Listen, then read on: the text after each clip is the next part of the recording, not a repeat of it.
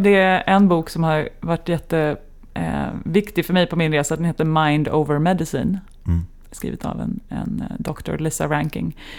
Rankin.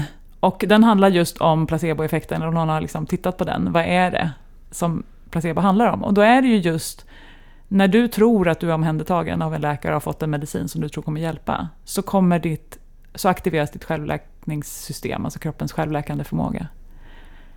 Och när vi bara förstår den nyckeln, alltså placebo är ju något fantastiskt. Okej, hur kan vi då aktivera kroppens självläkningsförmåga?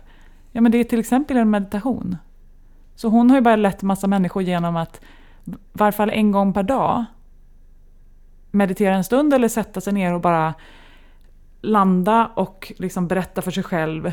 Jag är lugn, jag är trygg. Jag kan vara här bara. Och det, det, det, det kan man ju också titta på rent eh, fysiologiskt, vad som händer i kroppen då. Och att det kan liksom bota sjukdom. Jag börjar alltid mina meditationer med att eh, göra mig själv trygg. Det är Mm. alltid min start. Ah, hur Och- gör du det?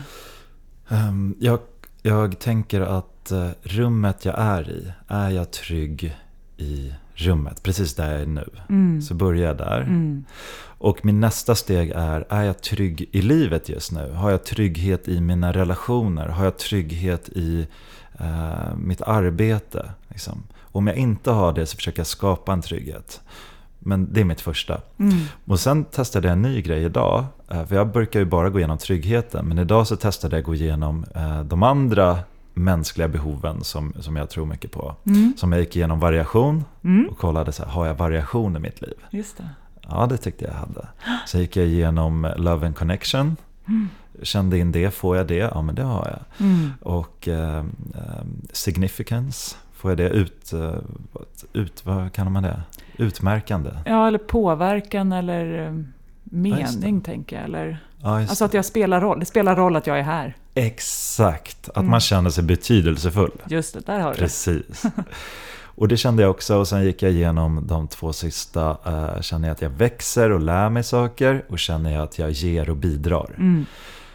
Och det att gå igenom de här under meditationen, att börja med det och känna att jag kunde checka av de här grejerna. Det gav mig ett sånt otroligt eh, lugn och Mm. välmående. Ja, men det blir ju lite som en, som en daily tune-up. Liksom. Alltså att du checkar in med, är det någonting jag behöver justera idag eller är, det, är jag på spår? Mm. Och då kan du ju också på något sätt sen, tänker jag, landa i att ja, men okej, allt är som det ska. Därmed kan jag nu också bara släppa och bara vara här ett tag. Jag behöver inte göra någonting just nu. Nej, precis.